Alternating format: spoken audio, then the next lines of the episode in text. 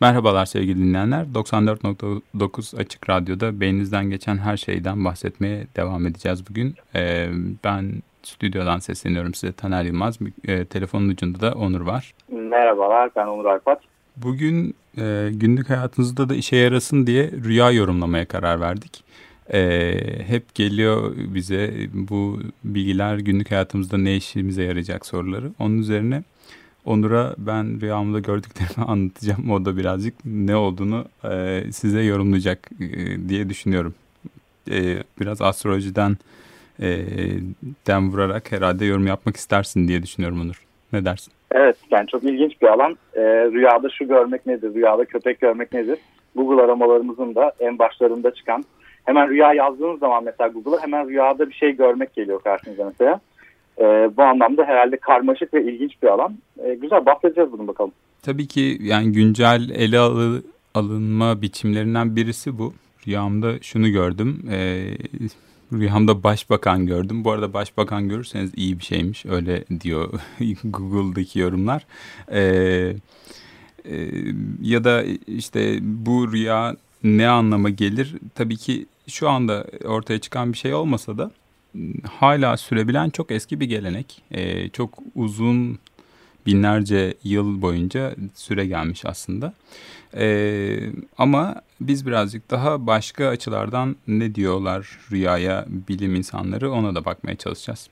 Önce tanımla bir başlayabiliriz belki. Rüya nedir? Buna ne demek istersin Onur? Rüya yani en basit haliyle işte uykumuz günlük 6 ila 8 saat arasındaki uykumuzun e, ayırdığımız e, zamanın çok değerli bir kısmının bir kısmı yani. yani rüya uyku içerisinde e, ki bir fenomen. E, biz 6 ya da 8 saat boyunca rüya görmüyoruz ama rüya uykunun en derin safhasında bizim gördüğümüz çeşitli ve yani iç, içerisindeyken gerçek olduğunu zannettiğimiz ancak dışına çıktığımız zaman gerçek olmadığını anladığımız ama bir yandan da onlarla büyülendiğimiz bazen kabus haline gelen ve işte onlardan etkilendiğimiz bir e, ilginç bir fenomen rüya. Ee, Peki hiç mi bir şey söylemiyor? Yani sadece beyin dalgaları sadece e, uykunun bir hatta yan ürünü mü e, yoksa başka bir şey de söylüyor mu bize bu açılardan acaba? Karmaşık bir konu değil mi? Yani şey ne zaman görüyoruz mesela rüyayı hani her zaman her gün rüya görüyor muyuz? Mesela ben her gün sabah kalktığımda rüya gördüğümü hatırlamıyorum. Ara ara hatırlıyorum. Ee, evet bir bu var. E, bu herhalde yaygın olarak bilinen bir şey. Rüyaları görüyoruz ama hatırlamıyoruz diye. Bunu etkileyen de rüyada beynin hangi bölgelerinin aktif olduğuna e, bakılmış ve aslında hangi bölgelerde daha çok aktivite varsa e, onunla belirlenebiliyor gibi. Yani e, eğer uyku sırasında sizin EEG'nizi çekerlerse sizin rüyayı hatırlayıp hatırlayamadığınızda tahmin edebiliyorlar. Çünkü bazı beyin bölgeleri aktif olunca dorsal alanlar özellikle daha çok hatırlama ihtimaliniz olduğunu göstermişler. Ama sanki sadece uykuda da görünmüyor gibi. Hani uykuda gördüğümüz e, çok bilinen tarafı her gün görüyoruz ama az hatırlıyoruz. Ama sadece uykuda da değil gibi. Bir kere e, mesela daydreaming var. Onun dışında hani gündüz düşleri. Onun dışında belki maddelerin etkisiyle ortaya çıkan e, ya da çeşitli yaşantıların içinde de rüya benzeri durumlar ortaya çıkıyor. Aslında bunu ger- gerçekten ben de merak ediyorum. Çünkü konuşurken de aklıma geldi. Acaba o zaman da EEG'de benzer değişiklikler oluyor mu? Sende böyle bir bilgi var mı Onur buna dair? Ee, yani evet madde etkisinde ya da başka yaşamsal deneyimler etkisinde eğer e, rüya benzeri durumlar görüyorsak EEG'de değişiklikler görülüyor. Özellikle e, evet yani böyle bir e, durum var. E, muhtemelen böyle rüya benzeri e, özellikle halüsinojen etki yapan durumlar mesela anestezi de belki ya da e, bunun halüsinojen maddeler de benzer EEG değişikliklerini yapıyor olsa gerek. Bazı çalışmalar ben de hatırlıyorum. E, gündüz düşlerine belki daha sonra geliriz. Onlar da ayrı bir fenomen aslında. Ben en çok e, alandan hani şeyi hatırlıyorum. Dikkatin çok dağıldığı durumlarda mesela dikkat eksikliği durumlarında çok yaşanan bir durum olduğunu e, biliyorum ama gündüz düşlerinden bir taraf daha e, çağrışıyor aslında. E, bir yaratıcılıkla ilgili bir taraf da var gerçekten. Bu hani dalıp giden insanların yaratıcılığına dair bir taraf var. Tabii boş boş da dalabilirsiniz. İlla bir şey yaratmak zorunda değilsiniz. Onun kendisi bile keyifli olsa gerek ama e, bir yaratıcılık tarafı da olduğunu göstermişler. E, yine gece rüya sırası, e, uyku sırasında görülen rüyalarda da bir yaratıcılıkla ilgili bir tarafı da var. Aktif olan beyin bölgeleri ve hormonlarla da bağlamışlar bunu. Ee, tabii şimdi yaratıcılık böyle çok kompleks beyin yapıları falan gibi düşünüyoruz ama sadece rüya gören biz miyiz sorusu da geliyor aklıma. Yani bir tek insanlar mı görür ve evet. başka gören var mı? Kim, hangi hayvanlar bizim dışımızda? Evet yani özellikle mesela kedilerde falan bu çok. Kedi sahipleri bilirler böyle. Kediler bazen uyurken böyle aniden bir hareket yaparak uyanırlar falan böyle. Hani çoğunlukla kedi sahipleri onların işte bir kabustan uyandığını ya da bir rüya görüp uyandığını falan düşünür. Gerçekten böyle mi? Tabii tam olarak bilemiyoruz. E, tüm insanların rüya gördüğü kesin ama e, aslında rüya görmek hayvanlar aleminde bir nevi gelişmiş beyin göster göstergesi. E, bizim şimdiye kadar bildiğimiz kadarıyla biz memelilerin rüya gördüğünü biliyoruz. Yani memeliler e, nereden biliyoruz rüya gördüklerini? E, gerçekten de tüm memelilerde işte rüya her zaman görülmüyor. Sadece derin e, uykuda REM fazı yani e, hızlı göz hareketi fazı dediğimiz bir fazında görülüyor uykunun. E, ve biz bunu biliyoruz ki memelilerde gerçekten de böyle bir REM uykusu var. Böyle bir REM uykusu olduğu için de memelilerin rüya gördüğünü beyin dalgalarına baktığımız zaman fark edebiliyoruz. E, ilginç olan şey bu çok yeni bir çalışma. E, kertenkeleler üzerinde birkaç ay önce bir çalışma yapıldı. Biz daha önce sürüngenlerin, kertenkelelerin ya genel olarak soğukkanlı canlıların ve sürüngenlerin rüya görmediğini e, düşünüyorduk memeli olmadıkları için. E, ancak bu canlılar üzerinde yeni yapılan çalışmalar bu kertenkelelerin de en azından bir kısmının REM benzeri bir e, durum yaşadığını ve onların da rüya görebildiğini bir ihtimalle görebiliyor olduğunu e, gösterdi. Yani ama yine de her şeye rağmen şunu söyleyebiliriz ki rüya görmek e, daha gelişmiş bir beyin göstergesi. Yani daha memeliler de ve belki de kuşlarda rüya görmek e, görmeleri mümkün. E, ama tabii ki onların sözlü olarak bunları aktarma e, ihtimali olmadığı için e, hiçbir zaman için yüzde yüz emin olamayacağız. Acaba biz, bizim kedimiz ya da köpeğimiz rüya görüyor mu sorusuna kes yüzde yüz evet yanıtı veremeyeceğiz.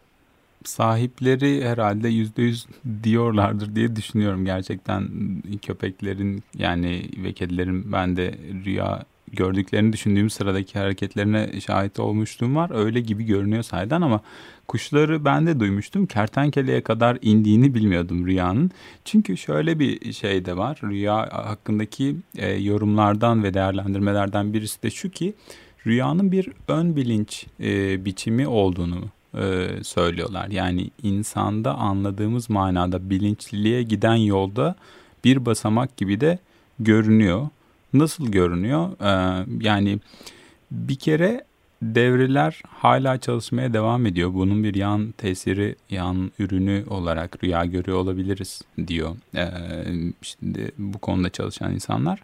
E, bu sadece açıklamalardan biri bu arada emin değiliz yani. Rüya niye rüya gördüğümüz konusunda sadece teorilerimiz var. E, ama bu devrelerin aralarındaki iletişim biçimi ve sonrasında kendi üzerine düşünmeye dair parçalar da içerdiği için bu rüya görme biçimlerinin ta kuşlarda hatta artık e, memelilerden de kuşlara oradan da sürüngenlere inecek biçimde bir bilincin ön parça e, şekilleri gibi de algılanabileceğini söylüyorlar. Ee. Neden görürüz onu tam bilmiyoruz gibi dedik. Neden görürüz? Ne dersin? Hocam? Yani şöyle ki e, yani bir kere öncelikle neden rüya görürüz sorusuna belki neden uyuyoruz sorusuyla başlamak tam olarak belki daha mantıklı. Çünkü neden uyuduğumuzu da tam olarak bilmiyoruz. Ee, neden uyuduğumuz yani neden 8 saat durduk yere kendimizi tamamen bir sürü tehlikeye açık halde bırakıp uyuyoruz ve zamanımızı önemli bir şekilde e, önemli ölçüde heba ediyoruz hayatımızda.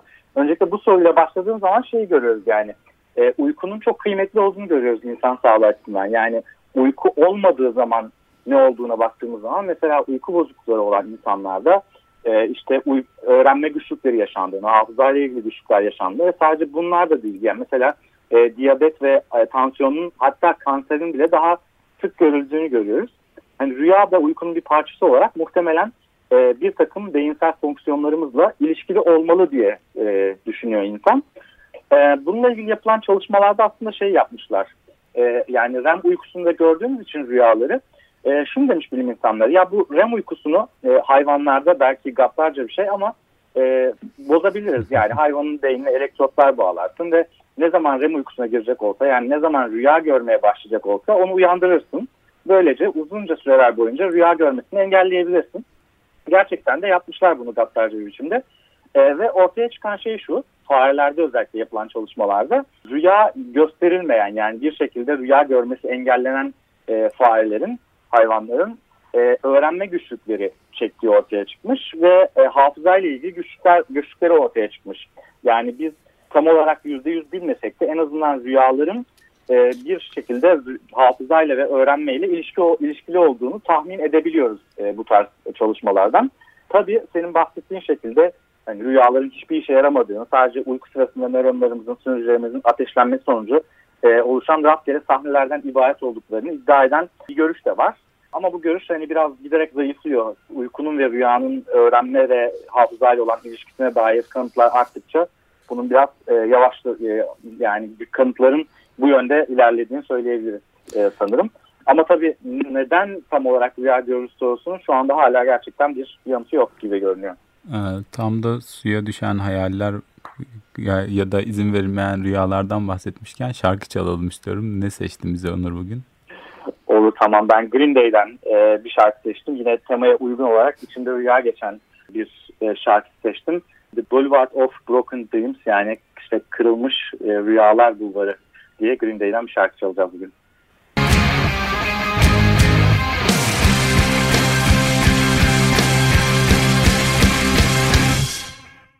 Merhabalar tekrar 94.9 Açık Radyo'da beyninizden geçen her şeyi konuşuyoruz. Bugün beyninizden geçen rüyaları konuşuyoruz. Ben Taner Yılmaz e, ve Onur da telefonun ucunda. En son e, rüya görmezsek ne olur zavallı hayvancıklar gibi bir noktada kalmıştık.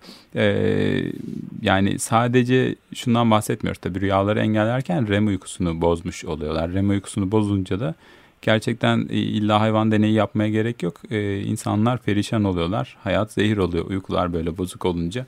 Sıkça gördüğümüz bir şey. Ee, bunu deneyimleyenler varsa da gerçekten bunu e, şey ne kadar nahoş olduğunu da biliyorlardır. E, uyku bozuklukları insanı gerçekten zorlayan e, sorunlar olarak ortaya çıkıyor. Bunlar çoğunlukla da hani bu uyku paterninin bozulmasına bağlı. Yani REM ve non-REM uyku e, kısımlarının e, ilişkileri e, ve süreleri bozulunca dahi gerçekten dinlendirmeyen bir uyku haline dönüşebiliyor. Bu arada REM'i ve non-REM'i bir açıklayalım. REM hızlı göz hareketlerinin gözlendiği bir kısım oldu ve rüyaların daha çok burada görüldüğü düşünülüyor. Non-REM de geriye kalan uyku süresi. Bir uyku döngüsü yaklaşık 90 dakikalık bir süre gibi. Onun içinde de REM'de biz daha çok e, şeyi görüyoruz. Rüyaları görüyoruz. Hmm, peki yani neden görüyoruz? Mesela biraz bilişsel işlevlerden bahsettik. Ondan bahsedebiliriz belki. Yani bir işlevi var mı rüyaların? Buradan bir de rüyalara farklı bakış açılarına da geçebiliriz sanırım. Ne dersin Onur? Ne, neden gördüğümüze dair bir şeyler söylemek ister misin? Evet yani hani rüyaların e, bir şeyi var yani farklı bakış açılarından bakabiliriz. Yani neden hani rüyaların bir anlamı var mı? En başta belki sözünü ettiğimiz e, çünkü e, senin belki burada hani psikiyatrist olarak daha fazla bilginden faydalanabiliriz. E, psikanalitik bir bakış açısı var rüyalara. Yani rüyaların gerçekten bir anlam ifade ettiğini e, ve bu rüyalarda görülen bir takım şeylerden çeşitli anlamlar çıkarılabileceğini iddia eden bir e, psikanalitik daha Freud'dan gelen e, psikanalitik bir bakış açısı var. Yani bu noktada belki hani buna değinebiliriz. Yani gerçekten de psikanalitik açıdan bakıldığı zaman rüyaların değeri nedir? E, bizim psikolojimizi yansıtmasında. Ee, şöyle diyebiliriz. Freud e, rüyalar için bilinç dışına giden kral yoludur demiş. E, aslında rüyaları bilimsel bakış açısını geçir, getiren e, temel e, şey yorumlardan birisi bu diye düşünebiliriz. Çünkü daha önceki çağlara baktığımızda hani müneccimlere rüya danışmaya e, kadar e, giden e, şeyler görüyoruz. E, sanırım dördüncü Murad'ın rüyaları gibi bir kitap da var bu arada. Oldukça ilginç bir arkadaşım bahsetmişti. Ben henüz kitap okuma şansı bulmadım ama e, yani öncesinde tabii ki bunların bir doğaüstü güç, doğaüstü bir haberleşme yolu olduğuna inanılırken bir bilimsel paradigma getiren yorumlardan birisi Freud'a ait. Çünkü e, Freudian teori ya da psikanaliz şunu söylüyor esas olarak insan psikolojisini açıklarken de bilinç olduğu gibi bilinç dışında kalan bir taraf da var ve bilinç dışı ile rüyalar e, çok örtüşen taraflar taşıyorlar. E, şöyle bir tarafı da var tabii ki rüyalar bilinç dışından besleniyor. E, buradan rüyaları açıklamaya e, çalıştığımızda da zaten bilinç dışı yani bilinçli olarak kabul edemeyeceğimiz dürtüler ve arzular bilinç dışında kaldıklarında bunlar kendilerine çeşitli semboller aracılığıyla rüyalarda yer bulabiliyorlar. E, fakat bunun dışında da aslında rüyanın bizim için önemi ve anlamı var. Evrimsel olarak var. Görünen o ki özellikle REM uykusunun var. Çünkü aktive olan beyin bölgeleri dolayısıyla öğrenme ve e, emosyonların işlemlenmesi ile ilgili çok önemli bir yere sahip olduğunu gösteriyor çalışmalar. Özellikle beyin sapından talamusa daha alt beyin yapılarına e, orada hipokampüs yani aslında hafıza merkezimiz var. Oraya giden oradan da e, bilinç ve e, yani karar vermelerle ilgili çalışan ön beyin bölgelerine giden bir trajeksiyon izliyor. Rüyaların e, e, şekillenmesinde de bu çok önemli bir yol ve burada şeyi de görüyoruz. Yani e, aynı yol öğrenmeyle de çok yakından bağlı. Sahiden hani bir şeyleri çalışacakken bir sınava çalışacakken onun üzerine uyuyup sabah dinç kafayla kalkmak gerçekten etkili oluyor gibi e, düşünüyoruz bu açıdan da. Bir de şey söyleyebiliriz. Amigdala aktive olunca da mesela rüyalara bir duygusal komponent katıldığında biliyoruz. Bunlara eklemek istediğin neler olur Onur? Yani şöyle mesela e, senin bahsettiğin şeye belki bir örnek verebilirim. E, bu öğrenmeyle ilişkine.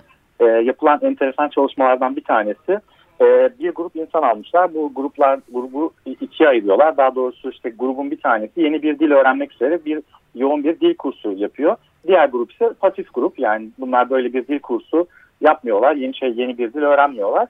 E, bu iki grubun e, rüya hareketliliğini karşılaştırmışlar ve yeni bir dil öğrenen grubun, yeni şeyler öğrenen e, grubun çok daha fazla, çok daha sık rüya gördüğünü ve bir şekilde hatırladığını herhalde artık e, fark etmişler. Bu da enteresan şeylerden bir tanesi. Ee, Çalışmalardan bir tanesi bu anlamda. E, yani öğrenme bellek işlevleriyle oldukça yakından alakalı. Ne yazık ki şey kısmına çok yorum yapamayacağız. Yani rüyanızda gördüğünüz at Murat mıdır? Onu çok yorumlayamayacak olsak da en son benim e, şey dile getirmek istediğim konu ve senin de yorumlarını beklediğim konu lucid dreaming. Kontrol edilebilir mi rüyalar? Edilirse neler olur? Evet yapılan bir şey. Özellikle çok mistisizme e, kayan bir şey yani. Aslında e, o kadar e, derin bir konu ki aslında şey, tarihi ta Aristo'ya kadar gidiyor. Yani önce 4. yüzyılda Aristo böyle bir şey olduğunu yani rüyaları kontrol bazen kontrol edilebildiğini e, şey yapmış. Budist rahipler bununla ilgili milattan öncesinden yazılar yazmışlar ve bununla ilgili taktikler vermişler. E, lucid dreaming şu demek, Türkçesi berrak ya da bilinçli rüya deniyor e, çoğunlukla biz rüyadayken e, bilinçli değilizdir. Daha doğrusu onun bir rüya olduğunu fark etmeyiz. Adeta bir senaryo yazılmıştır ve biz bu senaryoda e, oynayan bir oyuncu gibiyizdir. E, ancak uyandığımız zaman bu rüyanın aslında bir rüya olduğunu fark ederiz. Bu noktada lucid dreaming şöyle, e, rüyanın içindeyken bir rüyada olduğunuzu fark ediyorsunuz ve o rüyayı kendiniz yönlendirebiliyorsunuz. Hmm. E, lucid dreaming'in böyle ilginç bir özelliği var. Gerçekten de böyle bir şey var. Ancak hani çok mistisizme kayılmış ve ancak 1980'li yıllardan sonra e, bu lucid dreaming meselesi bilimsel olarak çalışılmaya başlanmış. Orada şu var, e, uykunun çok derin bir fazında normalde e, çok yavaş dalgalar vardır, alfa dalgaları dediğimiz. Bu lucid dreaming gören insanlarda, görülen durumlarda e, uyanıkken e, görülen normalde beta dalgalarının uyku sırasında görüldüğü e, fark edilmiş ve lucid dreaming'de e, böyle bir e, şey kontrolü, e, rüya kontrolünün e, olduğu anlaşılmış. Bununla ilgili tabii çok fazla taktikler falan da var. Yani nasıl lucid dreaming'e gideriz, rüyalarımızı nasıl kontrol edebiliriz falan diye. Hatta çok pahalı workshoplar falan da var yurt dışında yapılan. Ama bunların yani işe yarayıp yaramadığı konusunda siz bilimciler aslında pek de umutlu değiller. Yani çok da işe yaramadığını söyleyen insanlar var. Ama lucid dreaming rüya ile ilgili e, ilginç fenomenlerden bir tanesi. Benim aklıma da Salvador Dali geliyor. E, o da uykusunda gör yani uykusundan hemen uyanıp unutmadan rüyalarını çizmek için elinde bir kaşık e, kaşığın altında bir tepsiyle uyuduğuna dair bir efsane var. Elinden kaşığı düşürdüğü anda uyanıp o anda rüyasında gördüklerini çizdiğine dair. E, bu da bir çeşit... Bir şekilde bu da mesela lucid dreaming'e e, taktiklerinden bir tanesi. Yani böyle yapın Hı-hı. belki lucid dreaming'i görme ihtimalinizi arttırırsınız diyorlar. Bir de Karabasan var. Belki ondan da bahsetmeden bitirmesek iyi olur. Çünkü o da sık e, aslında aklımıza takılan şeylerden birisi. E, bir kabuslar var. İşte amigdala daha çok aktifken, aktifken daha çok e, işte duygusal yoğunluğu, negatif duygular yoğunken görüyoruz. Bir de şöyle bir şey oluyor. Rüya sırasında bir yani fizyolojik bir felce uğruyoruz. Bedenimiz hareket etmiyor. Ama karabasan sırasında hani bilinç açılırken anladığımız kadarıyla bu felç ortadan kalkmadığı için kendimize gelmiş gibi hissederken hareket edemiyoruz. Bu da oldukça korkunç bir e, e, hissiyat yaratıyor birçok insan için. Herhalde inkübüs şeyleri olarak adlandırılmış e, geçmişte tarihi e, bir şeytanın da buradan geldiğini düşünebiliriz aslında. E, bunlar dışında Onur senin eklemek istediklerini bitirelim. Rüya çok ilginç bir fenomen ve sadece böyle bir programda tamamını e, kapsamak çok zor tabii ki. Ama yine de bu ilginç fenomene belki böyle bir giriş yapmak e, açık radyo dinleyicilerini bu konuda okumaya bir, biraz daha belki teşvik edebilir diye düşünüyorum. E, bu şekilde bitirebiliriz. Dinleyen herkese teşekkürler. Görüşmek üzere. Teşekkür ederiz.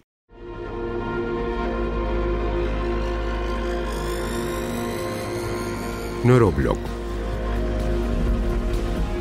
Beyninizden geçen her şey. Hazırlayan ve sunanlar Onur Arpat ve Taner Yılmaz.